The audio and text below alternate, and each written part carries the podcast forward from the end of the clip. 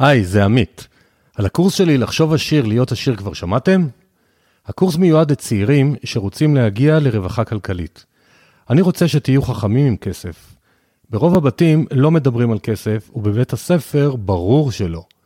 בקורס יש שישה שיעורים פרקטיים על כל מה שצריך לדעת בעולם הכסף, כולל mindset שמסביר למה עושר זו לא מילה גסה. בניית תקציב בפלוס לתמיד. השקעות מסוגים שונים, גם בסכומים קטנים כל חודש. היערכות לפנסיה. ודברים חשובים נוספים כמו הבנת תלוש השכר, פתיחת תיק עוסק ועוד ועוד ועוד. זהו הקורס ההוליסטי היחידי בעולם הכסף, שנותן כלים פרקטיים לחיי רווחה כלכלית, במילים פשוטות וללא נוסחאות. בואו להתחבר לכסף בדרך הישירה והאמינה שלי. מזמין אתכם להכיר ולהירשם באתר www.2invest.co.il/עוד. קוד קופון פודקאסט ייתן לכם הנחה של 200 שקל.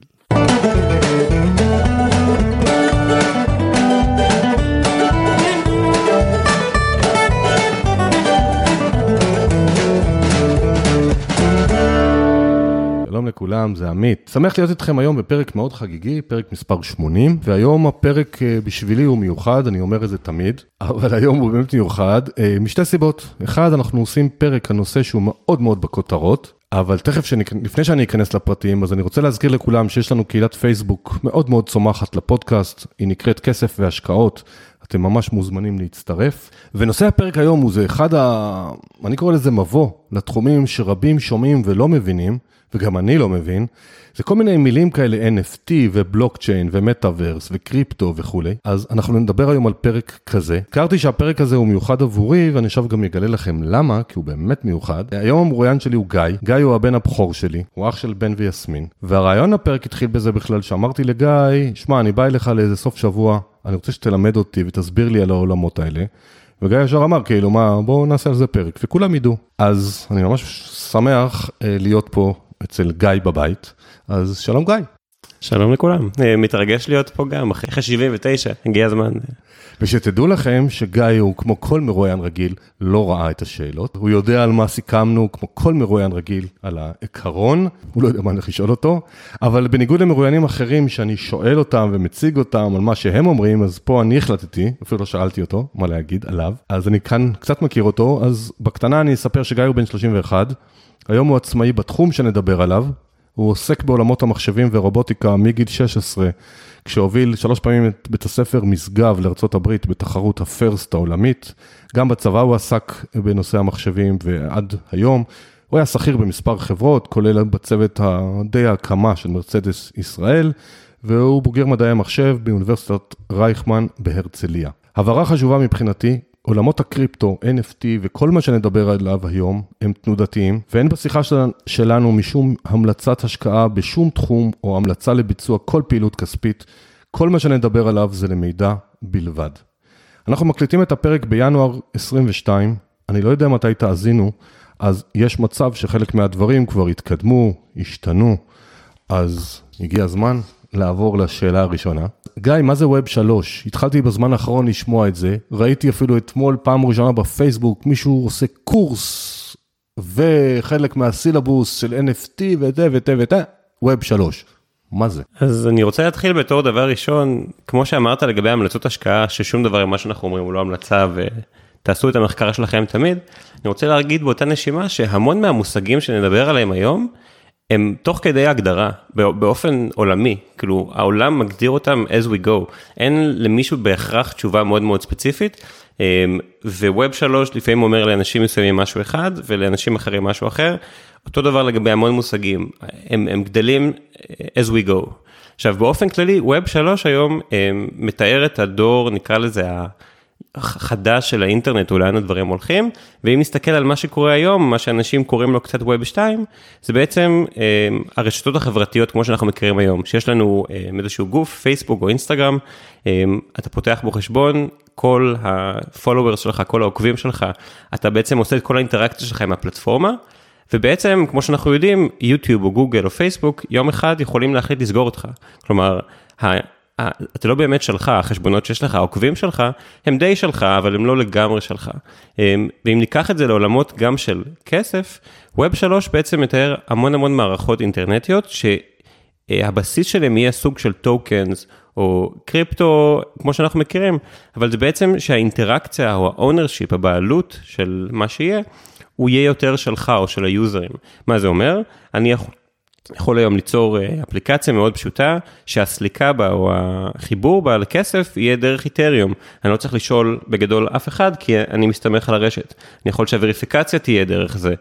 אז רגע, אז אני רוצה, אתה נכנסת כבר להמון מושגים שגם אני לא מבין בהם אה, הרבה, ואולי המאזינים עוד פחות, אז למטבעות קריפטו ומה עושים איתם, אנחנו נגיע בהמשך השיחה, אבל כבר זרקת פה איזשהו מושג, טוקן.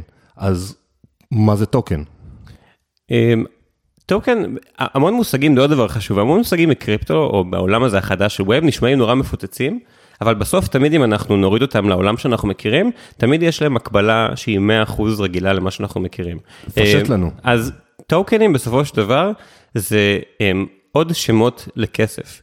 ב- לכולם יש מועדון חברים בכל אה, סופר, ויש להם נקודות שהם צוברים עם הקניות שלהם. בסוף זה טוקן, טוקן זה איזשהו כסף, נקרא לזה צבוע, um, שיש לו שימוש מסוים. עכשיו, היום פשוט בעולם של, של בלוקצ'יין מאוד קל ליצור עוד כאלה. באותה מידה שלכל מועדון לקוחות קל ליצור את הנקודות שלו ובכרטיס אשראי, אז לי קל ליצור היום בעצם טוקנים או אה, אה, מטבעות חדשים כאלה, שיש להם שימוש שאני מחליט בו. אבל זו הגדרה שאנחנו מכירים, מכירים לגמרי אה, מקודם, והיום אני יכול ביותר ויותר ויותר מערכות להגיד, אני בונה מערכת חדשה שתאפשר לאנשים לקנות אפילו מוצרכים לסופר, ויקנו בה רק בטוקן שלי. מה זה אומר? אתה תהיה חייב שיהיה לך את המטבע שלי, ורק איתו תוכל לקנות. זה בגדול מה שזה אומר. אז נראה לי שאנחנו בטח נחזור לזה יותר מאוחר, כי כמו שאמרתי, אני אפילו לא ידעתי איזה סדר לסדר את השאלות, אה, כי מטבעות דיגיטליים, חשבתי שנגיע לסוף, אז אולי אנחנו נגיע באמצע, אבל אני רוצה רגע עוד להישאר בווב 3, אתה אומר היום אנחנו בווב 2, אין לי מושג מה היה באחד, אבל אין לנו זמן להרחיב על אחד, אבל מה זה אומר? האם זה אומר שאני, האתר שלי, סתם עמית, toinvest.co.il, האם פתאום אני צריך להקים לו אה, לקרוא לו אחרת, כאילו לשם האתר, לדומיין, המשתמש שרוצה להגיע אליי, הוא יגיע אליי ממקום אחר? אז, אז לצורך העניין, לא, לא נגיע לדברים האלה, האינטרנט בעולם של ווב 3 עדיין די נראה אותו דבר. מה שזה מאפשר אבל, זה יכולת חדשה גם לקנות ולמכור, ויכולת חדשה אמ, להזדהות. למשל, אתה יכול בתור אה, אתר, נגיד האתר שלך, אתה יכול לחבר אותו למה שנקרא Web 3, ולאפשר לאנשים להשתמש בארנק ולשלם לך דרכו. אתה יכול ללמוד עליהם עוד דברים. תכף נגיע ל-NFTs, נבין מה אני יכול לעשות בעולם הזה. אמ, וכמו שאמרנו, העולם מגדיר יותר ויותר מה זה Web 3, אבל אם נלך לעולם של הבעלות, אתה יכול בתור מישהו שרוצה שיהיה לו קהל, אתה יכול שהאינטראקציה שלך תהיה הרבה יותר ישירה מול האנשים, כי אתה מסתמך על בלוקצ'יין, אה, מאשר שאתה רק מנהל את ה-follower שלך, או את האנשים שעוקבים אחריך אה, בפלטפורמות אה, שהן ריכוזיות או centralized, זה, זה מוסיף המון אתגרים ובעיות מסוג חדש, לא, אבל, אבל זה משהו אחר. האתגרים שלי לפחות, ואני מניח של חלק מהמאזינים, זה קודם כל להבין מה אתה אומר. ואתה השתמשת פה בעוד מושג, שבמקרה הוא גם השאלה הבאה, אז אנחנו קצת עשינו הרבה שיחות, שתנסה להסביר לי מה זה בלוקצ'יין, אתה עכשיו הזכרת אותו. אז תסביר לנו בבקשה מה זה בעצם בלוקצ'יין, ואיך אתה רואה נכון לראייה שלך, השימושים העתידיים שלו, נגיד שנה, שנתיים הקרובות, לא מה יהיה עוד 100 שנה. אז זה גם שאלה ענקית וניכנס אליה ממש, אני חושב, בכיוון של השיחה הזאתי, אבל בגדול אם אנחנו מסתכלים על בלוקצ'יין, אפשר להקביל את זה לאיזשהו database או לאיזשהו מקום שאני רושם בו אמ, רשומות או records, ומה שמיוחד בו, שאחד הסיבות שזה גורם לעלייה כל כך גדולה בשימושים בו, אמ, זה היכולת שלו להיות מבוזר, כלומר שאין ישות אחת ששולטת בו, אמ, ודבר שני, זה היכולת של, אמ, ברגע שהכנסת רשומה, עקרונית, אם הכל עובד כמו שצריך ויש המון מנגנונים מתמטיים וביזוריים שעובדים על זה, אי אפשר למחוק אותה. מה זאת אומרת? ברגע שנכנס משהו, הוא שם על העד. זה אחת הסיבות שכסף זה ה-use case או השימוש הראשון בבלוקצ'יין, כי בעצם כסף מתנהג באותה, באותה, באותה רמה, ברגע שאני עשיתי העברה ממני אליך, אני רוצה שלעד היא תישמר, ולעד אף אחד לא יוכל לרמות אותה. וכל העולמות האלה של Decentralization, של ביזוריות, או של בלוקצ'יין, הם מדברים המון על איך להוציא את ה-trust, או את האמון, מאנשים לתוך מערכת. להגיד, יש מערכת, אני רואה את החוקים שלה, החוקים שלה מתמטית ותכנותית יודעים למנוע רמאויות, אז אני לא צריך בעצם לדאוג שיהיה שוחד, שיהיה רמאות, שיהיה זה. שוב, המון אתגרים אחרים, אבל זה המקור. בלוקצ'יין, עוד פעם, עשיתי, כמו שאמרתי לך, אתה יודע, כי עשיתי איזה קורס פינטק וגם למדתי קורס על, קצת על בלוקצ'יין. אני לא איש תוכנה, לא מבין בזה גדול, אבל איך זה עובד היום? זאת אומרת, היום, כשאני, עוד פעם, ניקח סתם דוגמה את אותו אתר שלי, כאילו, אתר שלי, מה... אז זה שזה יהיה בבלוקצ'יין יאוחסן, אז אני ארוויח מזה משהו, האדם המאזין הרגיל, או שזה רק טוב לעסקים? אז, אז, אז זה עוד אחד מהדברים של ווב 3, שאחד החזונות של חלק מהסטארט-אפים שקמים או החברות, זה באמת לתת יותר כוח לאינדיבידואל, ליחיד, אמ, ופחות הצורך להסתמך רק על חברות. אה, שוב, זה קונספט כזה מאוד גדול, אבל פרקטית, בדיוק מה שאתה אומר, אתה תוכל להשתמש בכוח של הרשת. עכשיו, מי זאת הרשת ולמה בעצם היא קיימת? אמ, וזה משהו שחשוב על בלוקצ'יין, כי בסוף בלוקצ'יין אמרנו זה איזשהו אוסף של שרתים שמתקשרים ביניהם, ופרוטוקולים שבעצם מוודאים שכל דבר שנכנס למערכת הוא תקין ואין רמאויות. עכשיו, למה בעצם שזה יקרה? למה בעצם שמישהו יעשה את זה? ואני לא רוצה שניכנס לזה יותר מדי, אבל בעצם במנגנונים האלה, באותם פרוטוקולים, בין אם זה ביטקוין, איתריום או כל אחד אחר, יש בעצם reward או איזשהו פרס שאותו בן אדם שמריץ את השרת מקבל. כלומר, אתה צריך לשלם ממש עמלה, כמו שאתה משלם עמלה בבנק, יש עמלות. היום, אם נדבר על זה בביטקוין ובאיתריום, הן מאוד מאוד, הן מאוד מאוד גבוהות, והעמלות האלה הן בדיוק משלמות לאותם אנשים שמריצים את הדבר הזה מאחורה. אנחנו נדבר עוד מעט יותר על העמלות. אה, אז בעצם, אני רוצה עוד פעם לחזור ולהבין, אני, האדם הרגיל, המאזין, רוב המאזינים שלנו זה אנשים רגילים כמוך כמוני, הם לא עסקים גדולים. להם, הם ירוויחו משהו מהבלוקצ'יין? אמ, אני חושב שכן, כי דבר ראשון, אה, שוב, אנחנו נראה איך זה מתקדם עם השנים, השנה ושנה הבאה, אבל הם יקבלו עוד אופציות, אני חושב, עוד אלטרנטיבות לדברים שיש היום, בין אם זה עוד אופציות לתשלום, בין אם זה עוד אופציות אה, לעבוד עם הלקוחות שלהם, אם אני אמן, זה אופציות חדשות אה, לשמור על הקהל שלי. עכשיו, זה לאו דווקא דברים שלא היו קיימים פעם, כמו שהרבה פעמים היום, הגישה אליהם תהיה יותר קלה, לפעמים גם יותר זולה או יותר פשוטה. אה, וב' זה אמור לאפשר אה, תקשורת מסוג חדש. אה, אבל באיז, באיזשהו מקום זה גם המון קונספטים שקיימים היום ורק דרך חדשה להסתכל עליהם, או טיפה יותר הרבה ביזורית, כלומר שאתה לאו דווקא מסתמך על ישות אחת שאם היא החלטה לסגור אותך אתה נעלם, אלא על איזשהו משהו יותר גדול ברקע, שאם, אה, שבעצם הוא תמיד שם לעד, או לצורך העניין ככל שהרשת קיימת. אז סופר תיאורטית, הרי לא פעם יש לאנשים פרטיים גם את הבעיה שפייסבוק סגרה להם את החשבון, למה כובע? אה, בטח לעסקים קטנים. תיאורטית פייסבוק או המתחרה שלו יקום על הבלוקצ'יין ואז פתאום האנשים בקהילה, כמו שלי יש קהילה, יש לי, יודע, 5,000 ומשהו אנשים בקהילה, 5,200, 300, אז הם בעצם, אני, לא יוכלו לסגור לי אותם? באופן מאוד תיאורטי, כן. פרקטית איך זה קורה, זה עדיין אין use cases או אין רשת חברתית אמיתית שקמה על דבר כזה. אבל אם תכף נגיע ל-NFTs, בסוף ה-NFTs זה איזשהו רישום של מי מחזיק מה, והרישום הזה הוא שם לעד כל עוד הרשת קיימת. ואם ההנחה היא שהרשת תמשיך להיות קיימת, וכרגע אני מדבר על הרשתות הגדולות, לא על דברים מאוד מאוד מאוד קטנים, רשתות ענקיות כמו איתריום או, או סולנה, שכרגע יש להם שווי שוק של מיליארדים ו, ומאות נודים שמריצים, זה לא משהו שסביר שייסגר בכל כך uh, מהר. Uh, אבל כמו כל דבר, כשהתחלנו את הפרק הזה, הסיכונים נשארים, זה לא שאין סיכונים שנעלמים פה בשום, uh, בשום דבר. לא, אני מנסה כל הזמן בעיניים שלי, ואני מנחש בחלק מהמאזינים, לקחת את זה בסוף לעולמות שלנו, כי אתם העולמות של אנשים שמבינים, או חושבים שמבינים, ומייצרים את העתיד, אתם יודעים על מה אתם מדברים, אבל אני שומע כל מיני דברים, ובאמת השאלה הבאה זה, הזכרת את זה, כי את הנושא הזה של NFT.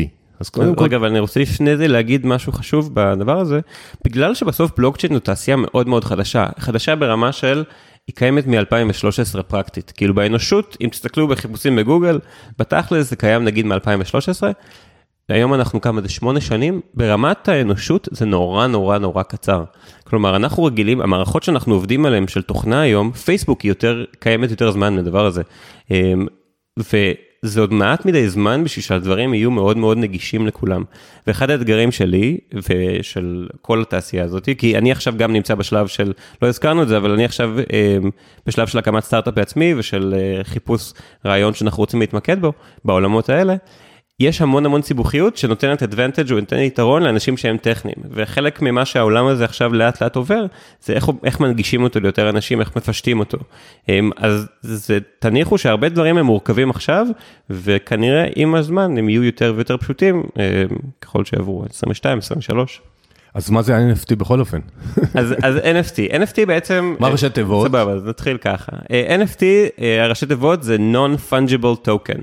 עכשיו, Fungible זה מילה מפחידה, אה, אבל היא מילה מאוד פשוטה. מה זה בעברית? שאלה ממש טובה. אני לא יודע. אוקיי, אז רק שתדעו, גיא יודע אנגלית ברמה של אמריקאי, אז אם הוא לא יודע, זה כנראה באמת מילה שמישהו... אני לא חושב שמישהו, האקדמיה נראה לי עוד לא יגיע לזה. נראה לי מישהו המציא אותה לטובת ה... היא תגיע לזה. Non-Fungible Token, אז Fungible זה מילה די פשוטה, שבסוף אומרת משהו שאפשר להחליף אותו אחד בשני. מה זאת אומרת?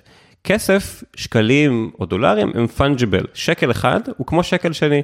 אם יש לך 100 שקל, כל אחד מתוכם, או 100 שקלים, כל אחד מתוכם הוא אותו דבר. אני יכול להחליף אחד בשני. אמ, ביטקוין, איתריום, סולנה, כמעט כל המטבעות שאתם מכירים, הם פונג'יבל. יש לי ביטקוין אחד, ביטקוין שני, אני יכול להחליף ביניהם, סבבה, אין שום הבדל, בסוף זה אותה יחידה. משהו שהוא נון-פונג'יבל זה משהו שהוא ייחודי, כלומר, ש... אין לו תחליף, או שהוא, עכשיו רוב העולם שאנחנו מכירים במציאות, הוא, הוא non-fungible, גם החולצה שלי היא לא כמו החולצה שלך, גם אם היא נוצרה אותו דבר, בסוף היא שלי. אמ, הדרך הכי קלה לדעתי להקביל את זה, זה כרטיסים להופעה. בוא נגיד שיש לנו שתי סוגים של הופעות, אחד הופעה ואחד סרט בקולנוע. אם יש לי כרטיס להופעה בירקון, ויש 100 אלף כרטיסים, כל כרטיס הוא אותו דבר, אני יכול למכור למישהו כרטיס, וזה fungible, כלומר אני יכול להחליף אחד בשני. אם תיקחו רגע אולם קולנוע, בסוף באולם קולנוע לכל אחד יש מקום, יש שורה, יש כיסא, ואומנם הכרטיסים, כל אחד הוא כרטיס לקולנוע, אבל כל כרטיס הוא ייחודי, כי הוא מסמן מקום מסוים. ואם אתה רוצה להחליף כרטיס אחד עם השני, אז זה מחליף משהו מאוד מאוד ספציפי, וגם יותר מזה, וזה גם חלק מהעניין, יש כמות סופית. עכשיו, גם במטבעות יש כמות סופית, ב-NFT זה אפילו משחק הרבה פעמים קטע אה, יותר. עכשיו, אם ניקח את הרגע את המושג הזה, NFT um, אמ, לעולם של, של בלוקצ'יין, או uh, לעולמות שאנחנו מדברים עליהם כרגע, אז חשוב להבין שזה גם קונספט יחסית חדש. Um, בגדול זה פרץ לתודעה, עשו ניסיונות לפני זה, גם ב-2012 ו-2013, אבל זה פרץ לתודעה בגדול ב-2017, עם אה, פרויקט שנשמע, שנקרא CryptoKitties, שזה בעצם מישהו בנה סוג של משחק, שאתה יכול... אמ, לייצר אה, חתולים או חתולות בבלוקצ'יין, וכל חתולה היא ייחודית. עכשיו, מה זה אומר ייחודי, וזה גם חשוב מאוד שנדבר על זה בכל העולם הזה של NFT, אמ, הרבה מהמקורות של העולמות האלה הם גיימינג, כלומר, אי אפשר לקחת את זה מאוד ברצינות ברמת ה... לחפש לוגיקה ענקית, כי הרבה פעמים המקור של הדברים האלו הוא פשוט משחק ואומנות. וזה שכל חתולה ייחודית, זה אומר שיש לה האטריביוט או איזה שהם מאפיינים שהם ייחודיים. מה זאת אומרת? אם יש לי עשרה סוגים של שיער, עשרה סוגים של אה, רקע, עשרה סוגים של רגליים, זה כבר זה מייצר לי המון המון אופציות. אבל גם היה פרויקט ששמעתי על אלף אה, או עשרת אלפים אה, סוגי דונלדס. בדיוק, תכף נדבר, תכף, נדבר על איך זה הגיע היום, אבל המקור של זה התחיל ב-2017, זה אה, היה בום מטורף, זה היה מאוד מאוד מוצלח, וזה די נעלם, כאילו מאז זה די נעלם. וזה שוב פרץ מאוד חזק לתודעה ב-2021, ממש בתחילת השנה. אה, אני לא יודע אם יש סיבה מאוד מדויקת למה, אני חושב שזה מאוד קשור לעובדה שנכנס המון כסף לשוק אה, ספציפי של קריפטו, ואנשים פשוט חיפשו use cases, וזה פשוט התחיל, וזה מין גל כזה שסחף המון המון אנשים. אה, אפשר תכף לדבר היום על איזה סוגים זה, אבל חשוב להבין שבסוף, במה שיש בפנים, כי זה נשמע נורא מפוצץ, הבסיס של זה הוא נורא נורא נורא פשוט. זה בסך הכל איזשהו מערך, איזשהו רקורד שאומר לי יש את זה ולך יש את זה. כלומר זה נשמע נורא נורא מפוצץ ב-NFTs, פרקטית זה בסוף אומר מה שלי ומה שלך אמ, בתוך איזשהו סט מסוים של אופציות. אבל שלי ושלך ברמת תוכנה כזו או אחרת שעושים לה ויז'ואל. בין השאר, כלומר, אז אפשר תכף לדבר על איזה סוגים יש, אבל מה שאנחנו מכירים בתור התמונות, זה רק use case מאוד מאוד ספציפי, שהיום הוא הכי נפוץ, אבל אני לא חושב שבהמשך הוא יהיה הדבר הכי נפוץ, יכול להיות, כי בעצם זה מתחלק, לא יודע אם תגידו, רוצה לדבר על זה עכשיו או אחר כך, זה מתחלק לכמה סוגים של דברים שיש היום. אז אופציה אחת זה באמת כל העשרת אלפים, שתכף נדבר בעצם מה זה אומר. ובהמשך, והיום אנשים מנסים להבין איזה עוד שימושים אפשר לעשות לשמירה של רקורדים. אתמול דיברתי עם מישהו שהוא בונה עכשיו מערכת, שהוא משקיע ב... יש לו עסק של וויסקי יקר, כאילו של וויסקי כזה, עישון וויסקי, והוא נותן לך NFT על העובדה שהוא מחזיק לך storage, כאילו אחסון של משהו אצלו. בסוף זה מזהה ייחודי. אתה כל כך שוחה בזה ואני לא, אז אני רוצה שננסה להתקדם בקצב שאני יכול להכיל, ובתקווה שזה יעזור גם למאזינים. אז, אז השאלה עכשיו שיש לי, מי יכול לייצר NFT? האם זה עולה כסף, והאם צריך הסכמה של מישהו? או, שאלה מצוינת. ו... יש שלוש שאלות. אז, אז נדבר על זה, ואז נדבר גם על למה בכלל. אמ, אז דבר ראשון, אמ, כל אחד יכול לעשות NFT. בסוף, כמו שאמרנו, האינטראקציה עם הבלוקצ'יין, עם, עם כל רשת, היא אפשרית לכולם, וזה בדיוק מה שהעולם הזה מנסה לקדם, של אין חסמים, כאילו איש מגואטמלה, איש מישראל ואיש מארצות הברית, יש להם אותה גישה, הם צריכים אינטרנט, הם צריכים לשלוח טרנזקציה, לשלוח uh, העברה, לשלם את אותו עמלה, וזהו, מבחינת כולם הם שווים. אז עקרונית, כל אחד. יש המון המון המון open source, המון קוד פתוח באינטרנט שעושה את זה, וכמו שאמרנו, היום כבר נוצרות מערכות שמאפשרות לך בצורה מאוד פשוטה, עם uh, UI כזה, עם, באתר, להעלות את זה, uh, או לעשות את הדברים בעצמך, ולדעתי זה הולך להמשיך להיות יותר ויותר פשוט, uh, כי היום אתה כן צריך יכולות קוד כאלה ואחרות. אבל זה הולך להיות יותר ויותר פשוט ככל שיעבור הזמן.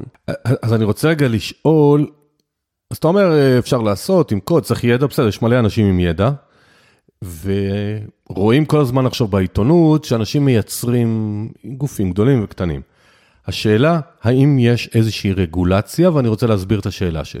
אני רואה שאנשים אומרים, העליתי יצירת אומנות. עכשיו אני אומר, תאורטית, אני הולך עכשיו ללובר, מצלם את המונליזה, מעלה אותה NFT. יומיים אחריי מגיע סשה מ... לא יודע, ממולדובה, ומגיע אחרי זה ניקול מצרפת, והם גם עושים. האם יש פה כאילו מונע ממישהו, זאת אומרת, לי זה נשמע, סליחה על המילה, די חרטוט, שאומרים לי זה בלעדיות, כי אם כל אחד יכול לעשות מיצירה פומבית, אז, אז אני, זה יותר חשוב שנדבר בכלל על, על מה עומד מאחורי זה, כי הרבה פעמים, תסביר לנו. כי, אז שנייה נדבר על זה ואז נדבר על למה בעצם כל הדבר הזה תופס, כי בעיניי זה הרבה יותר חשוב, יש המון התאפסות על התמונה ובעיניי התמונה היא חלק מאוד ספציפי, היא לא, היא לא חלק קטן אבל היא חלק מאוד ספציפי מהדבר הזה. אז דבר ראשון לגבי קופי רייט. יש באמת בעיה היום שהיא, היא, כמו שאמרנו, הרבה דברים הולכים ותופסים הגדרה תוך כדי. אם אתה עושה NFT של אה, מוצר אה, ציבורי, של מותג, אם תיקח את קוקה קולה או דיסני או, או לובר לצורך העניין, ככל הנראה אתה תקבל תביעה. כלומר, אה, שוב, תביעה זה אומר אם ידעו מי, מי הבן אדם שעומד מאחורי זה, ואם לא יודעים. אז בוא נפשט את זה, נדבר על מישהי ששנינו מכירים, זאת אימא שלך ואשתי היקרה, שהיא עושה עובדות פסיפס, היא מוציאה ספרים, זאת אומרת, היא אדם קטן, אני לא יודעת אם מישהו עכשיו יעתיק אותה ויתבע אותה. אה, כאילו לתבוע אותו, כי אין לנו משאבים לזה. אז, אז בוא, אם אתה אומר, אתה צודק, גוף גדול, יש לו כסף, יש לו רגולציה. אז א', באמת זאת בעיה, בכלל, הבעיה של fraud, של scam, של רמאויות, היא בעיה אמיתית וכואבת בקריפטו, באמת בעיה אמיתית וכואבת. אה, גם בתוך פלטפורמות של מדיה חברתית, של חשבונות מזויפים, באמת בעיה כואבת. עכשיו, הדבר היחידי שמישהו קטן יכול לעשות ברגע שהוא רואה זיוף זה לפנות לאותו, בדרך כלל יש marketplace, אותה בורסה שבה אתה יכול לקנות ולסחור ולבקש מהם להוריד. Uh, הבעיה שלפעמים um, הם כל כך עמוסים שזה יכול לקחת זמן. הייתי בכנס לא מזמן ובדיוק דיברו על זה שיש אתר שנקרא DeviantArt שזה אתר אומנות ענק, בעלות של וויקס, שם יש להם AI ענק שבדיוק עושה את זה, לנסות למנוע מאנשים להעלות זיופים. עכשיו, זאת באמת בעיה. עכשיו, אני רוצה לדבר רגע לפני זה על copyright, כי דווקא הרבה מהפרויקטים של NFT באיזשהו מקום שהם יוצאים חדשים, מעודדים את זה, שיעתיקו אותם או שיקחו משהו בהשראתם, כי זה קצת מייצר להם יותר promotion בתור ראשונים, זה דווקא לפעמים מגדיל את הדבר הזה. אבל כל הקונספט של העתקה הוא מאוד מאוד מאוד מאוד בעייתי. עכשיו, אני רוצה רגע לפני זה לדבר בכלל, לא על התמונות, אלא למה בכלל הדבר הזה תופס. עכשיו, דבר ראשון, אני חושב שיש כמה דרכים להסתכל על למה הדבר הזה תופס. באופן ראשוני, זה מאפשר לאנשים לסחור ו-to speculate, לשער, כמו שאנשים אה, קונים אה, מטבעות ורוצים שזה יעלה או שזה ירד. עכשיו, צריך לזכור שהמנגנונים האלה, או שהאנשים קונים ומוכרים, זה לא משהו שקריפטו המציא. זה משהו שקיים משחר האנושות, וקיים גם הרבה לפני זה, בדיוק אתמול חבר שלח לי, שמסתבר ששוק הנעליים, שעושים אה, קולקציות מיוחדות, הוא מלא בדיוק באותה מידה, בלי שום קריפטו, שאנשים קונים ומוכרים ונעליים, אז הקונספט הזה שאנשים אוהבים לעשות trade בין דברים נדירים, אז הוא חשוב. עכשיו, בדיוק אמרתי את המילה שהיא מאוד מאפיינת את התחום הזה, וזה נקרא נדירות. מה זה נדירות? אמ, בסוף, גם בקולנוע יש לך מושבים שהם יותר טובים ופחות טובים. ובתוך כל בניין יש דירות שהן יותר טובות ופחות טובות. אז בכל אוסף של אה, אופציות, תמיד יש את האופציה היותר טובה והאופציה הפחות טובה. בדרך כלל, באנושות, מה שיותר נדיר עולה יותר כסף. עכשיו, איך אתה מייצר, מייצר נדירות בתוך, סתם מהאוויר? אם אתה מייצר עשרת אלפים עותקים של משהו, שכולם אדומים, של, ורק שניים צהובים, הצהובים נדירים. והרבה פעמים הדבר הזה עובד על, על הקונספטים האלה, ואם תזכרו, אנחנו מתחילים מגיימינג ומקלפים, גם בקלפים, ואני בטוח שכל אחד היה ילד ושיחק בקלפים של אה, כדורגל או של פוקימון, או ילדים שלו, זה אותם קונספטים שלי יש משהו שווה, לך אין את זה, מה אתה נותן לי תמורה, או איך אתה משלם לי. והדבר, אחד הנוספים שמאוד אה, מזין את הדבר, את הקהילות האלה, מעבר ל"אני קונה בזול, מוכר ביוקר, זה יעלה, זה לא יעלה", שזה לגמרי חלק ענקי, זה העובדה שזה פתאום מייצר קהילות סגורות. וזה משהו שמאוד חשוב לדעתי לשים אליו לב, אמ, וגם זה קשור מאוד לווב 3. מה זאת אומרת? אה, בוא נגיד שעכשיו אני מייצר קולקציה של עשרת אלפים אה, אריות, אריות, לצורך העניין, לי יש, לי יש כמה אריות. חמישה, מה זה כמה? יש לי אה, עשרת אלפים אריות. מה שאני יכול לעשות בעזרת הבלוקצ'יין זה לוודא למי יש ולמי אין, ואני יכול ליצור קבוצה. עכשיו העולם הזה מתנהל בעיקר בטוויטר ובדיסקורד, טוויטר כולכם מכירים, דיסקורד זה מערכת, אה, התחילה מ gaming, זה בגדול סוג של אה, אם מישהו מכיר Slack או Teams, זה איזושהי דרך לתקשר וליצור אה, עולם כזה עם המון ערוצים והמון הודעות כמו וואטסאפ עם המון קבוצות, אבל סגור. אני יכול ליצור ערוץ Discord כזה רק לאנשים שמחזיקים את האריה. אמ, ואני אומר להם, אם אתם רוצים להיות בחלק מהקבוצה הזאת, אתם חייבים לקנות, אתם חייבים להיות בפנים. אני יכול לדעת, כשבן אדם בא להתחבר, האם יש לו אריה או אין לו אריה, אני יכול לתת לו הנחה על בסיס זה. אני יכול להגיד לך, יש מסיבה, אבל אתה תוכל להיכנס למסיבה רק אם יש לך ownership, ואני יכול לוודא את זה, כי אני יודע לוודא שבבלוקצ'יין מה רשום. אמ, מה שאתה אומר בעצם, שהמידע היום, הבלוקצ'יין וכל זה מאפשר ציבוריות ולא פרטיות. זאת אומרת, אם אני רוצה להזמין אנשים למסיבה ורק מי שיש אריה, אני לא צריך לשאול אותך אם יש לך אריה או לא, אני יכול איכשהו להסתכל ברשת ולראות האם גיא מחזיק אריה. כן, אז הבלוקצ'יין ברובו הוא, זה נקרא פסוודו אנונימי, הוא אנונימי ברמת הכתובות. אבל אתה יודע כל מה כתובת עשתה, כלומר יש כתובת, אבל ברגע שאני יודע שהכתובת היא שלך, אני יודע את כל מה שאתה עושה. אמ, אז אני יכול בקודול ליצור כתובות חדשות, ושוב, אנשים שהם פורצים והם האקרים, הם יודעים לעשות את זה יותר מתוחכם, אבל היתרון והחיסרון של בלוקצ'יין הוא שזה זה אנונימי, אבל זה לא באמת אנונימי. כלומר, אני יודע איזה כתובות ארנק מחזיקות את ה-NFT, ואני יכול לוודא אותם, אה, ואני יכול להגיד, אוקיי, רק הכתובת הזאת תוכל לעשות משהו. ואני רק אחזור לנקודה הקודמת, האספקט החברתי הזה, מעבר לרק משהו שיעלה או ירד בערך שלו, הוא פתאום מייצר אה, קבוצות שהן קצת כמו חברות שצומחות מלמטה. כלומר, לחברות האלה יש המון כסף, אני עכשיו חלק מאיזשהו פרויקט, שהם גייסו במכירה של 8,000 עותקים, משהו כמו 8 מיליון דולר, ופתאום הם הולכים עכשיו להקים עם זה דאו, ופתאום יש לך חברה עם, עם, עם כסף, עם אנשים שהם בפנים, שהם רוצים לעשות משהו, ואחד האתגרים הבאים זה, אוקיי, מה עושים? זו שאלה פתוחה ובאמת... וגם באותה נשימה חשוב להגיד שגם הרבה הם הסכם והרבה עושים את זה נטו בשביל הרמאות וחשוב להבין את זה אם, אם נחזור לנקודה הראשונה אם אני עכשיו אומר כן אני אקנה NFT כי זה מגניב סבבה אבל מאוד מאוד חשוב להסתכל מה עומד מאחורי הדברים אה, האם יש מישהו שדוחף את זה סתם כי כל פרויקט שמצליח היום בעולם וצריך לזכור את זה נדחף שיווקית מאוד מאוד חזק. האם זה נדחף שיווקית למטרה טובה או למטרה רעה זה משהו שצריך להבין אבל. אז, אז זה, זה מוביל אותי לשאלה. אה... אני ראיתי, בטח יש עוד, גם גוצ'י, גם נייקי, גם H&M, עושים קולקציות NFT. עכשיו, סתם סקרנות שלי, עכשיו נייקי נגיד, כי גם הזכרת נעליים שבאמת יש אה, קולקציות. האם המחיר שקונים את זה בטוקנים, זה כמו המחיר שאני אלך לקנות בחנות, או ששם זה כאילו יותר יקר, יותר זול, איך זה עובד? אז חשוב ש... אמרת נקודה טובה, ואני ממשיך רגע שנייה מאיפה שהייתי קודם, למה עושים עם NFTs היום, אז היום רואים יותר ויותר מותגים בין אם זה ביגוד ובין אם זה כל דבר אחר, למורגים הולכים להוציא עוד רגע, כולם הולכים.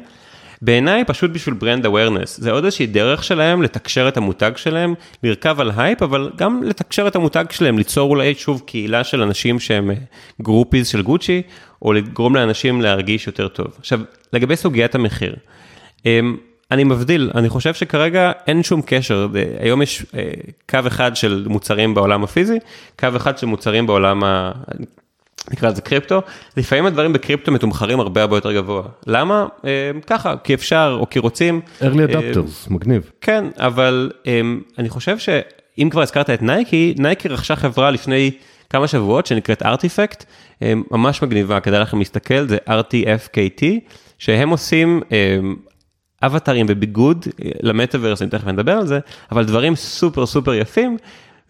אחת הסיבות דעתי לרכישה הזאת היא כי הם גם מבינים שה presence, הנוכחות שלהם באותו עולם דיגיטלי, בין אם זה קריפטו ובין אם זה מטאוורס, ותכף נדבר, זה לא אותו דבר תמיד, היא תהיה יותר ויותר חשובה. אני, אחד הכיוונים שאני מסתכל עליו גם, זה, אני חושב שמותגים כאלה, תכף יהיה להם revenue, יהיה להם רווחים ב-22, 23, 24, בכיוונים שהם לא חשבו, כמו שדיסני היום, חלק גדול מהרווח שלה זה דיסני פלאס, שפעם זה לא היה, ולאו דווקא המוצרים הפיזיים שהיא מוכרת, יש מצב שגם נייקי, עוד מעט, חלק גדול מהמוצרים שהיא תמכור, הם דווקא יהיו לאו דווקא פיזיים, שבינינו זה גם מייצר פחות זבל, אז זה גם בסדר.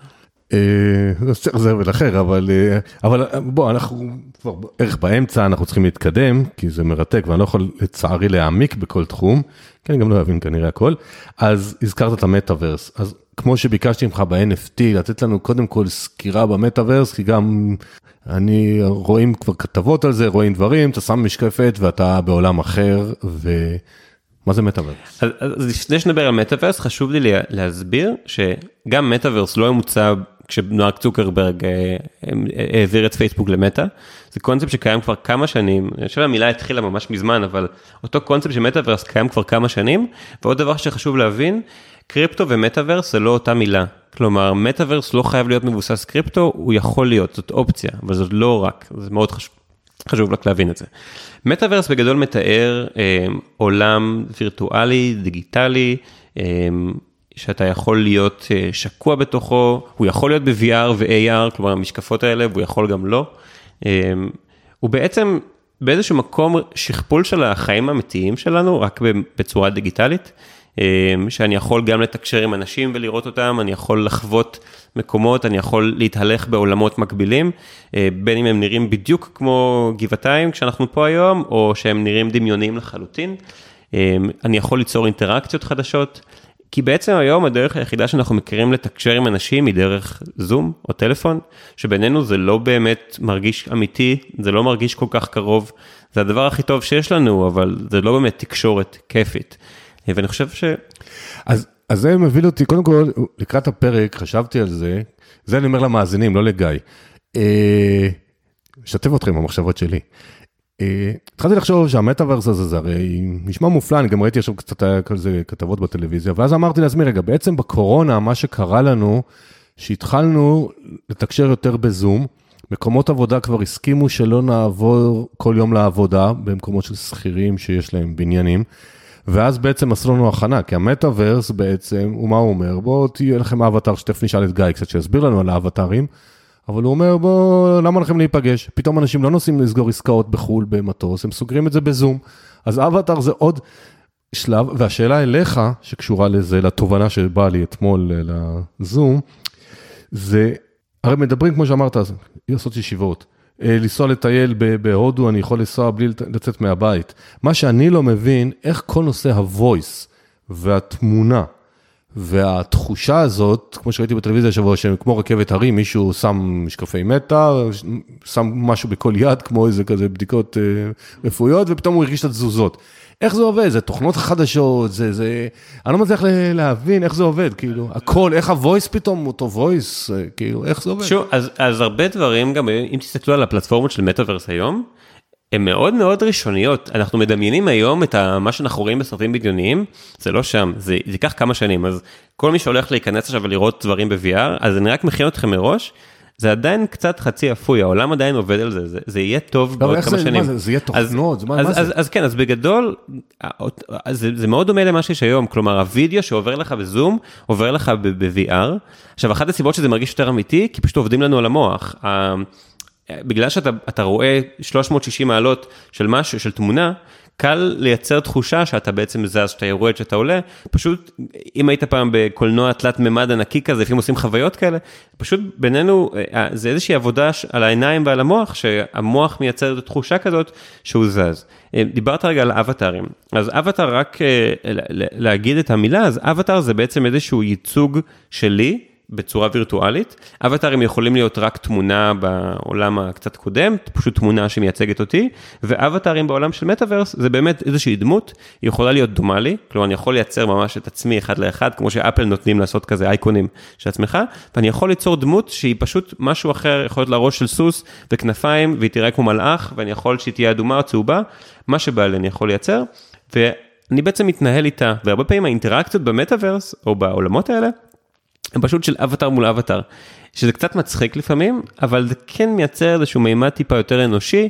כי זה נותן תחושה יותר של מציאות או של קרבה, מאשר רק אה, משהו שהוא בדו-ממד. אז קודם כל, מה שאני מבין, גם שחוקר קצת בקטנה את הנושא, ש... שמטאוורס חייבים שיהיה עוד אביזר חיצוני על הגוף כדי שזה יהיה תלת מימד, כי אחרת אנחנו... נכון, אז זה... לא, זה שהמאזינים גם יבינו, זה כאילו שמשקפיים, משקפת גדולה, בעתיד אולי יהיה לנו, סתם ישימו לנו איזה מש- משהו במוח, אבל אה, כעיקרון אה, חייב להיות עוד איזשהו ממד עלינו, כדי שנהיה בתלת מימד. אז יש כמו למשל את אוקולוס, שזאת חברה שפייסבוק רכשה לפני כמה אבל שנים. אומרים שמייקרוסופט וגוגל בקרוב אז יש את הולולנד של 22. מייקרוסופט, יש כל מיני, בגדול הן היום גם מאוד מגושמות, זה משקפיים ענקיות, אבל מה שהן עושות, הן חוסמות לנו את הראייה ואנחנו בעצם רואים רק את המסך.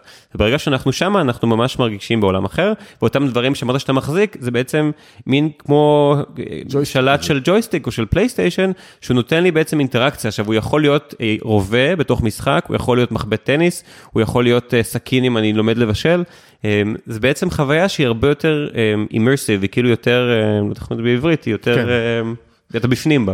אני גדול. מכיר את האימרסיביות מספרים דווקא. האבטאר, מה שהזכרת, שבעצם כל אחד יכול, זה אומר שלאפל יש, לא יודע, זו הייתה אחת השאלות שלי, כאילו איך אני מייצר אבטאר, אתה אומר, לוקחים תמונה שלי, כאילו, מה- איפשהו, ויש תוכנות אז, היום... אז כל מי ששיחק משחקי מחשב אי פעם, ונעזבו רגע מטאוורס, כל מי ששיחק משחקי מחשב של, אה, יש לך איזושהי דמות, היית צריך להרכיב דמות, אתה צריך לבחור את העיניים שלה ואת הש- את השיער שלה ואת הזה, זה נטו ככה. פשוט הייצוג שלו הוא יותר תלת-ממדי, אבל אה, לא יודע אם זה ברצף של השאלות, אבל אחת הסיבות שקצת קריפטו וגם לפני קריפטו, זה העניין שאתה יכול לקנות מוצרים ולהלביש על האבטר שלך. כלומר, יש לך איזושהי דמות, אז אם נייקי מוכרת חולצה שיש רק 10 יחידות ממנה ואתה רוצה שהדמות שלך תהיה בה, אז זה זה. עכשיו, אני רוצה לתת סיפור קצר ש...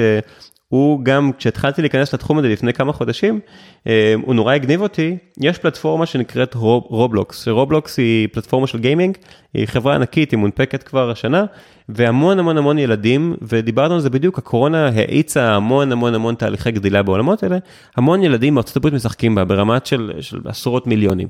אה, ויש איזושהי אימא שאמרה שבקורונה הילדים שלה היו משחקים אה, אה, ברובלוקס, ושם זה אבטאר מול אבטאר ועושים כל מיני דברים. והם היו עושים מסיבות ימי הולדת אה, ברובלוקס, היו נפגשים והיו עושים מסיבות ימי הולדת שם, כי היה social distancing, הם לא יכלו. להיפגש. ויום אחד הבן שלה בא אליה, והוא מבקש ממנה שהיא תקנה לו חולצה חדשה לאבטאר שלו, כי נמאס לו לבוא עם אותה חולצה כל פעם למסיבת יום הולדת. וחשוב מאוד להבין שהדור הצעיר רואה את השילוב הזה בין משהו אונליין למשהו offline מאוד שונה. קל לנו להגיד, אה, משהו בדיגיטלי הוא לא אמיתי. אבל אתם צריכים להבין שהמושג הזה שנקרא זהות דיגיטלית, בטח לדור הצעיר, ואני בן 31 וזה כבר לא נחשב דור צעיר, אמ, הוא שונה מאוד בתפיסה, כי לפעמים אנשים הם דווקא יותר חופשיים בזהות הדיגיטלית שלהם מאשר במציאות, כי שם הם נראים כמו מלאך ובמציאות הם לא יכולים, ודווקא זה הייצוג שהם רוצים, או שם הם יכולים להתנהג בצורה אחרת, אז החיבור הזה בין מי אני במציאות הפיזית לבין מי אני בדיגיטל, לדורות הצעירים הוא כבר די אותו דבר. אז תרשה לי קודם כל, לפי המושגים שלך, אם אתה לא צעיר, אז אני קשיש. זה קשה אז, מתקדם מהר, אה, זה קשה. אז זה מעליב, אבל אה, נסלח לך, כי אתה הבן שלי. אה, אבל שאלה אחרונה למטאוורס, לפני שנעבור לקריפטו, אני שמעתי גם השבוע שאנשים התחילו להשקיע בנדלן במטאוורס. עכשיו, אני אגיד לך את ההנחות עבודה שלי, כאדם שלא מבין, ואני אומר לעצמי, רגע, אם פה הכל חרטוטציה בעיניים שלי, כי הכל מדומה, אז עכשיו אני אקנה נדלן באיזשהו מדיה מטאוורסית, אבל מישהו אחר יקים לי נדלן במקום, אה, כאילו מטאוורס אחר, אז לא יהיה ערך לנדלן שלי, אז למה שכן? אז אחרי זה שמעתי איזשהו... שיחה בנושא, שאמרו לא, עכשיו H&M ישימו שלט בתוך אה, שביל בנדלן הזה, כדי שהילדים שעוברים שם במשחק הזה יקנו שם. בקיצור, יצאתי מבולבל. למה אנחנו בסוף כסף והשקעות? מה, אני כדאי לי להשקיע בנדל"ן? אז, אז, אז, אז אוקיי, אז כמה דברים. דבר ראשון, אני אחזור ואגיד, הכל מאוד מאוד מאוד בבנייה היום. אם אתם תיכנסו היום לאותן פלטפורמות שמוכרות אדמה במטאוורס, אתם תסתכלו, אתם תסתכלו עליי בחזרה, תגידו, מה זה? אני לא מבין את זה. כי הכל מאוד מאוד ראשוני. עכשיו, בוא נחזור רגע בכלל, כמו שאמרת, למה? העובדה שדברים נהיים מבוססים בלוקצ'יין, זה לא אומר שהעוב... שאין לא יהיו פלטפורמות שהן יהיו שולטות. היום יש פלטפורמה שנקראת Decentraland ופלטפורמה שנקראת Sandbox, שהן היום הכי פופולריות by far. אמ, וכל הזמן נוצרות עוד ועוד ועוד ועוד, ויש את התחרות הקלאסית באנושות של מי יתפוס. אז השאלה שאתה אומר היא שאלה נכונה.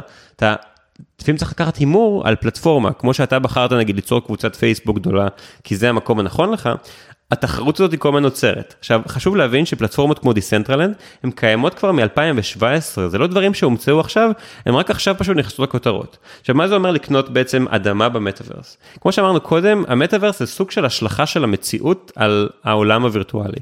כלומר, אני יכול לייצר את אותה מציאות שיש לי פה, רק פשוט בדיגיטל.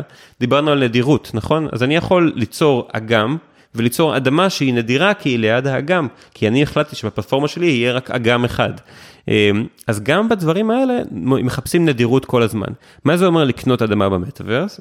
יש מפה מסוימת, בוא נגיד שיש בה 160 אלף חתיכות. זה המפה, והגוף שמייצר אותה הגדיר ושמר את זה בבלוקצ'יין ואמר, אני לא אייצר יותר חתיכות. אם אתה רוצה שיהיה לך חתיכה, תקנה NFT, זה בתכלס לקנות אדמה במטאוורס זה לקנות NFT, שאומר שלך יש את החלקה הזאת.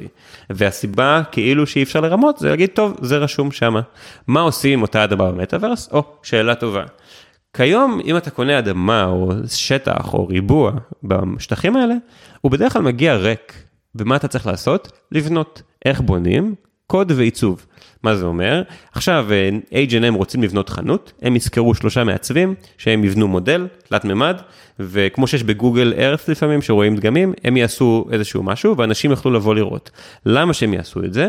בדיוק מאותה סיבה של פרסום הרבה פעמים, של אנשים מסתובבים, רואים, היה לו מזמן פסטיבל ענק בדיסנטרלנד, שקראקן אני חושב היו הספונסר שלו, ויש שם מוזיקה ופרסומות בכל מקום, אז השלכה של המציאות על שמה.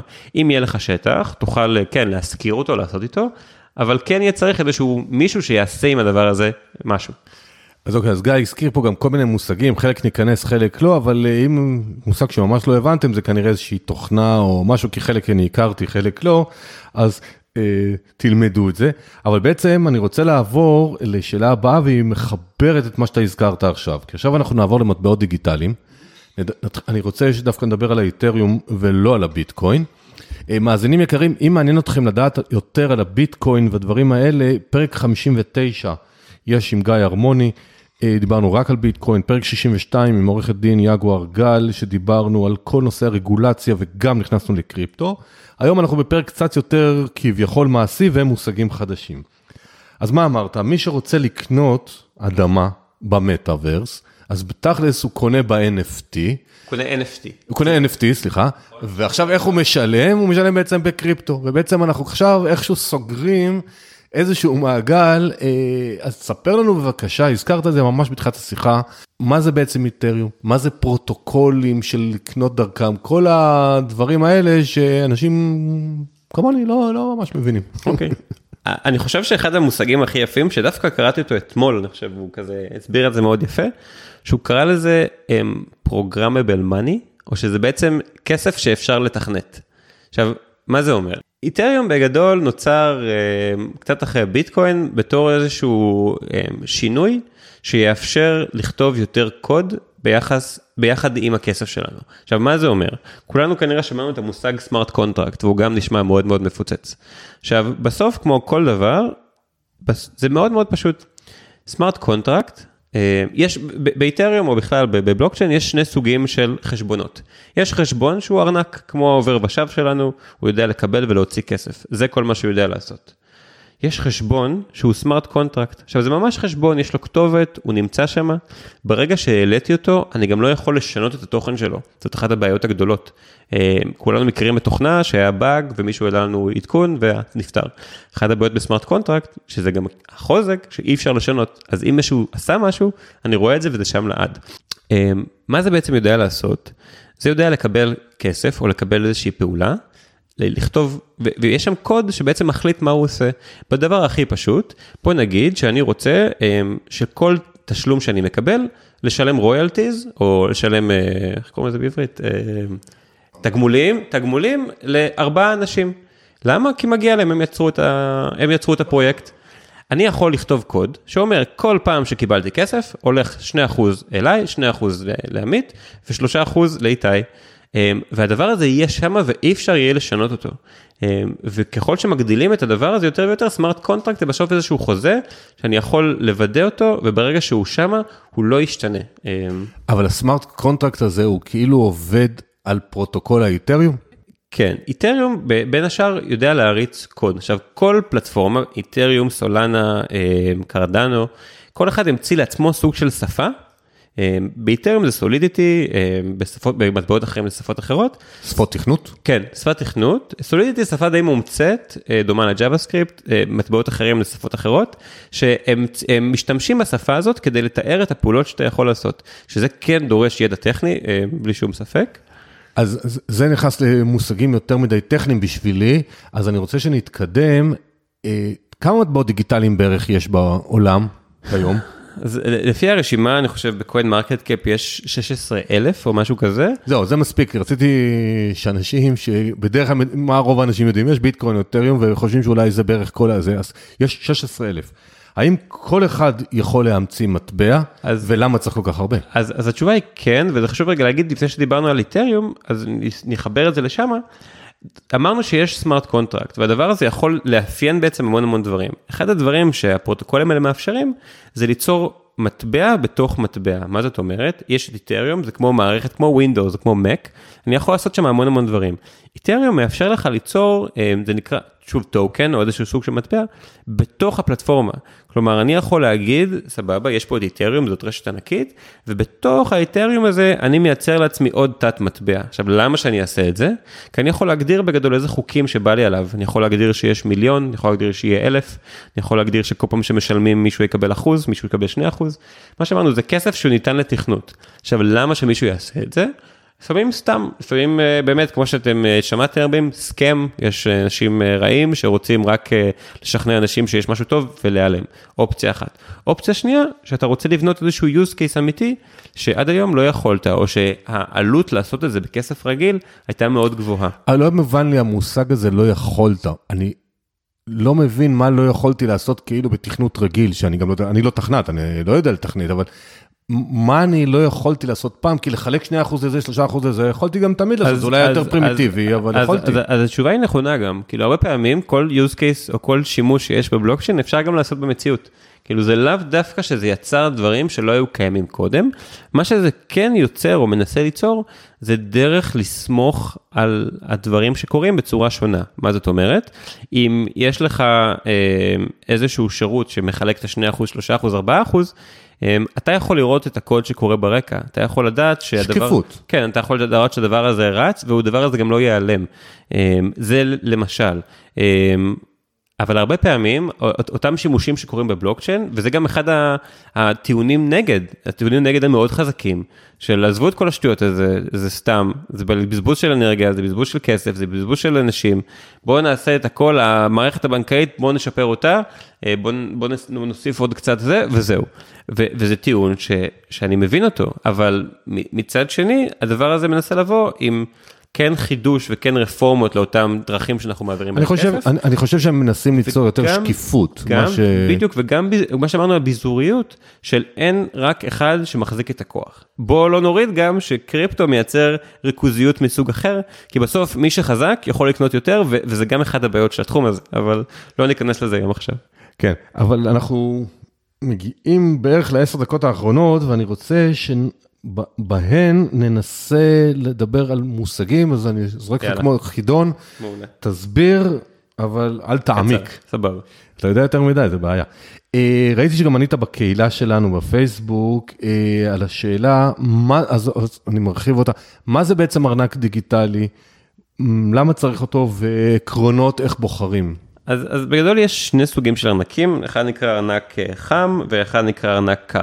ארנק חם זה בעצם ארנק שהוא תוכנה, הוא מחובר לאינטרנט, אה, הוא יכול להיות אפליקציה, הוא יכול להיות מטאמסק, אולי אנשים מכירים עם הציור של השועל, זה ארנק של, של איתריום שהוא מבוסס קרום, יש ארנק של סולנה שנקרא פנטום, שהם ארנקים שהם באינטרנט, אה, קל מאוד להתעסק איתם, הם בעצם תוכנה, אתה יכול להיכנס לאתר, להתחבר אליו ממש בקלות.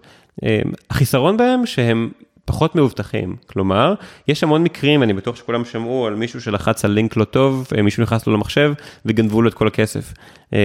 אחד, אחד הבעיות בארנקים מהסוג הזה, זה שהם יותר פריצים, כלומר, אם המחשב שלך מחובר ומישהו נכנס או עשה משהו לא טוב, יותר קל לעשות את זה. ארנקים קרים זה בעצם איזושהי חומרה, איזשהו ממש רכיב, אה, נראה כמו נגיד, אה, כמו דיסק און קי בעיניים כן, של אבא שלך. כמו דיסק און קי, אה, שהוא בעצם עושה את אותה פעולה בדיוק, אבל מה היתרון בו? שאתה לא יכול לעשות שום פעולה, שום טרנזקציה, אם הוא לא מחובר פיזית למחשב. אז גם אם מישהו נכנס למחשב שלך וגם אם יש לך וירוס, עד שלא חיברת אותו למחשב, לא יכול לקרות כלום. האם יכול לקרות משהו כשחיברת אותו למחשב? כן, זה לא מאבטח את עצמך לעד, אמ, אבל זה בעצם מקטין את הסיכון. רק דבר אחרון שמאוד חשוב, זה שכל הארנקים האלה, הם בסוף, הביטוח שלהם הוא מה שנקרא הסיד. סיד זה אותה, אותו רצף מילים, אותו סיסמה נקרא לזה, שיצרתם כשהתחלתם את הארנק. זה הדבר הכי חשוב, כי בסוף אם הארנק שלכם נשרף או נהרס, אם שמרתם את הסיד, אין שום בעיה, אתם תוכלו לשחזר את מה שיש לכם, כי בסוף זה מייצר מפתחות.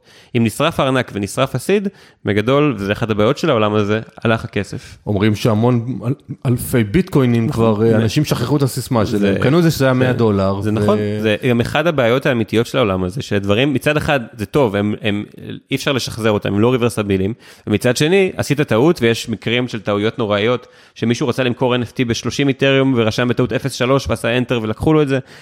זה באמת בעיה, אז זה כמו כל, כמו כל יתרון יש גם חיסרון. יאללה, בשלב החידון מושגים, מה זה DeFi?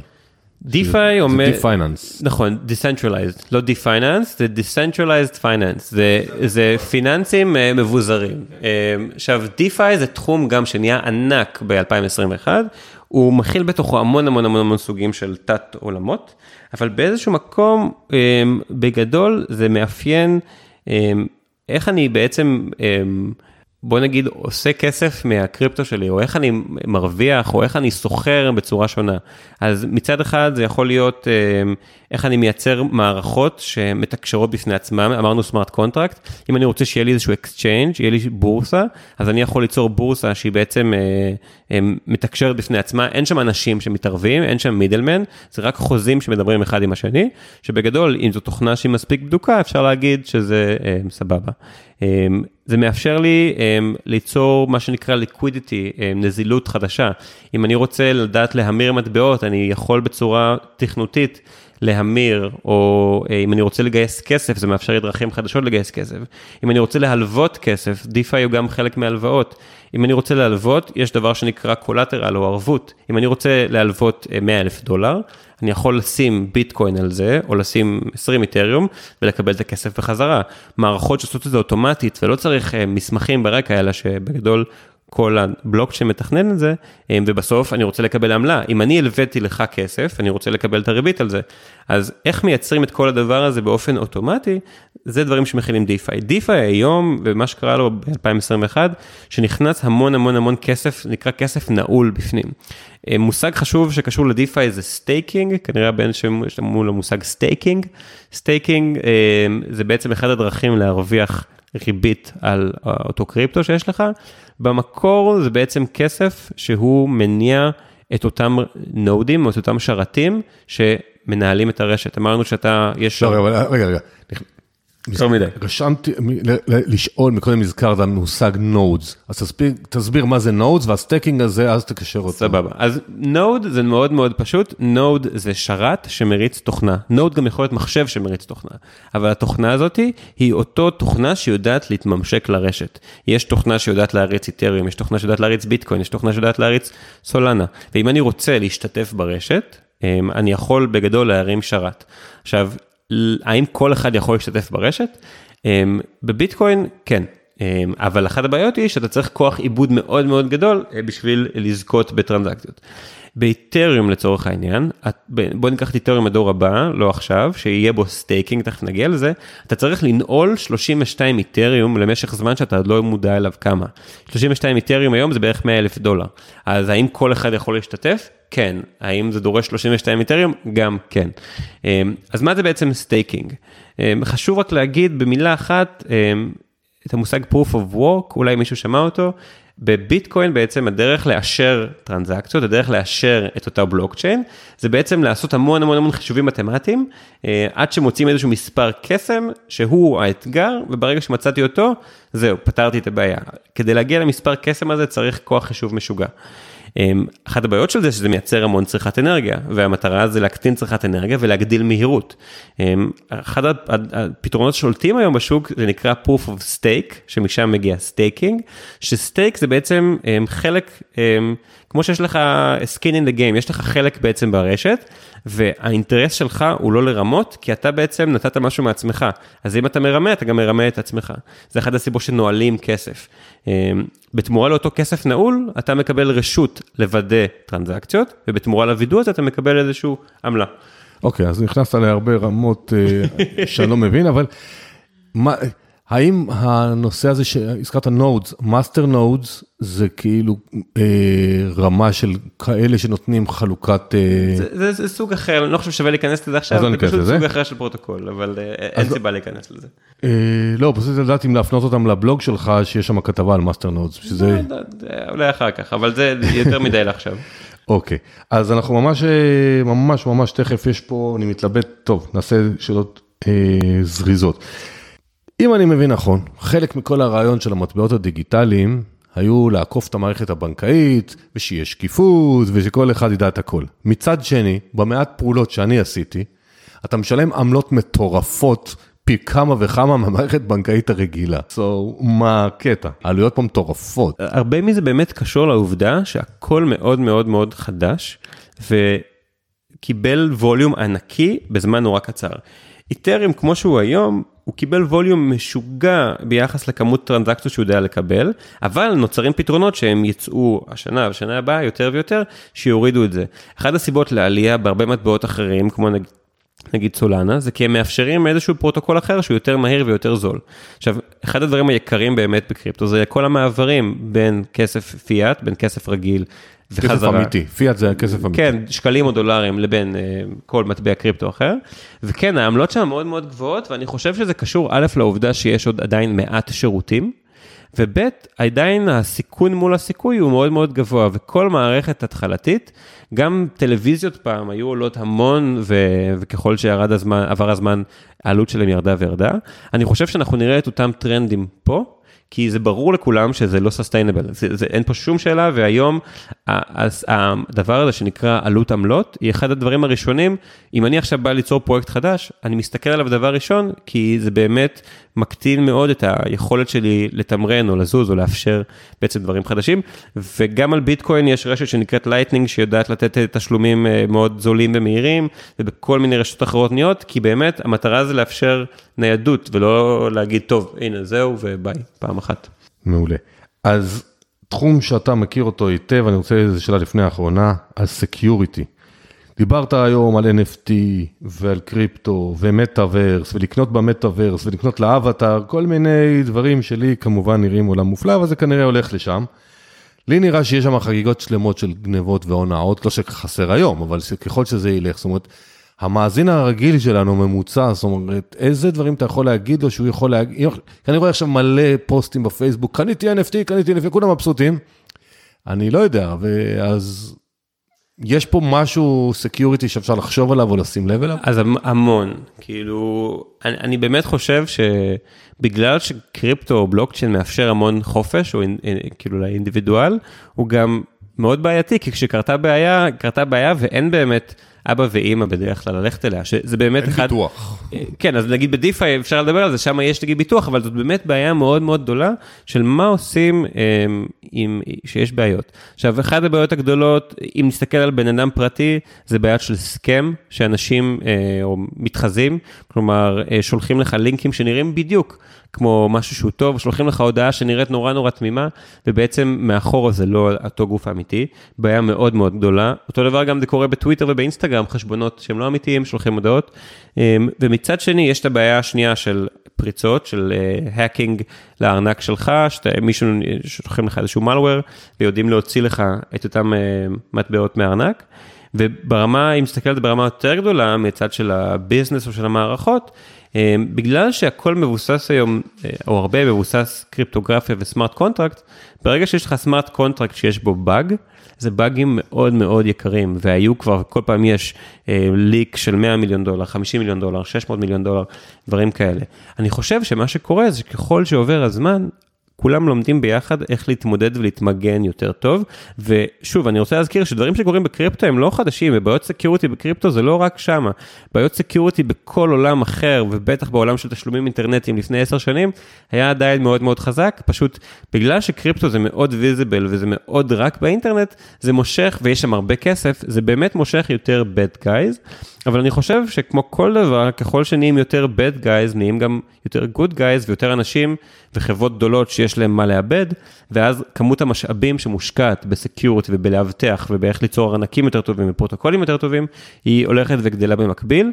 זה טיפה, אפשר להקביל לזה, נגיד, בא לי להגיד עכשיו לעולם של פרסום באינטרנט, שגם שם יש המון בוטים שלוחצים ובכאילו, וככל שיש יותר בוטים, אז גם ככה יש יותר מערכות שיודעות לזהות בוטים.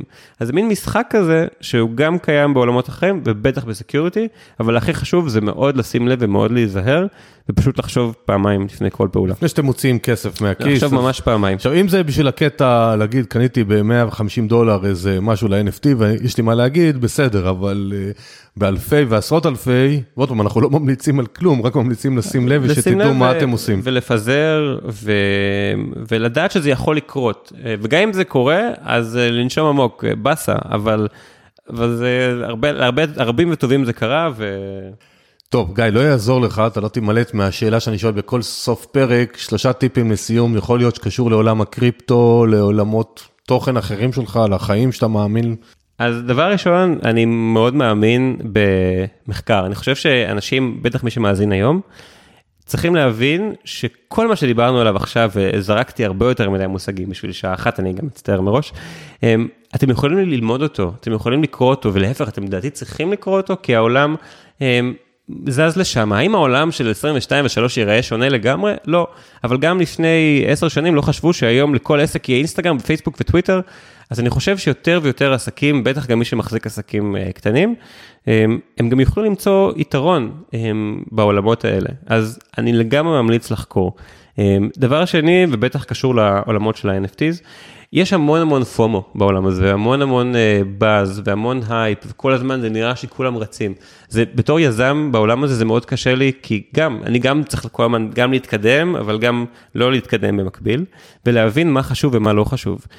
תעשו מחקר גם על הדברים האלה, מישהו הראה לכם NFT שהוא מגניב, מישהו הראה לכם טוקן שהוא מגניב, תקראו, ת, ת, תבינו איזה כוחות יש מאחורי זה, האם זה משהו שמישהו דוחף כי יש שם סיבה, האם זה סתם שיווק אגרסיבי, מה אתם מרוויחים מזה מעבר לכסף ואולי זה יקרה, מאוד מאוד חשוב לדעתי להסתכל על הדבר הזה.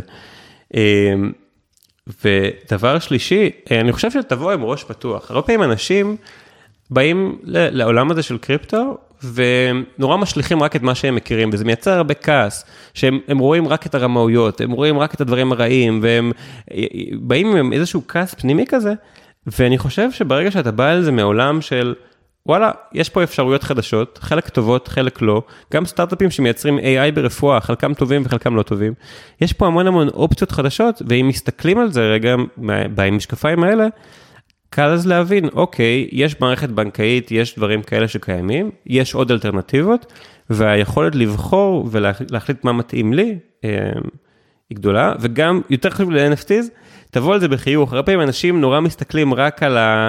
מנסים להיות נורא נורא לחפש היגיון בכל דבר, לפעמים אין. האם זה מתאים לכם או לא מתאים לכם? זו שאלה שלכם. אבל לא על הכל, גם על המטאוורס, אפשר להסתכל רק בעיניים רציונליות, כי לפעמים יש איזשהו מין אה, אפקט מתגלגל כזה. בסדר, והכי חשוב זה, בחיוך הכוונה שלי זה אם אתם משקיעים וזה לא הצליח, אז בסדר, זה שכר לימוד, אבל לכן תלמדו טוב. גיא, תודה רבה, תודה רבה על כל השמידה. תודה שהזמן, אני מקווה שלא הפצצתי ביותר מדי מושגים. אני, אני בטוח שכן, אבל אה, זה קשה לדחוף בשעה אחת את כל התורה. אז יכול להיות שאני שאלתי יותר מדי שאלות, אבל אה, אני, חלק הבנתי יותר, חלק הבנתי פחות. מאזינים יקרים, אני מקווה שעזרנו לכם. או להבין יותר, או לפחות להבין מה אתם לא מבינים, וכמו שגיא הציע, ללכת לחקור את זה.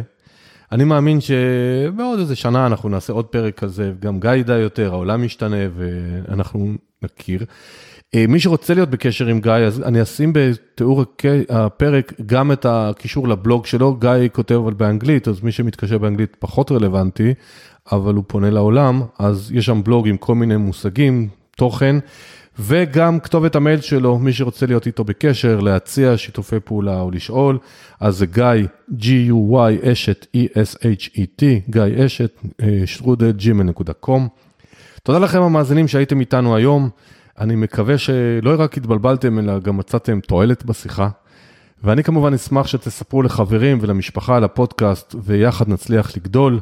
מציע וממליץ לבקר בערוץ היוטיוב, יש כבר שם עשרות אם לא מאות סרטונים קצרים, אה, תעשו subscribe, והכי חשוב זה תזכרו שבסוף לומדים דרך עשייה, לא רק מהקשבה. בכל תחום שתחליטו להשקיע ולצמוח בו פיננסית, תעשו, תנסו, תטעו ותצליחו. אז תודה רבה לכולם, ונשתמע בפרק הבא.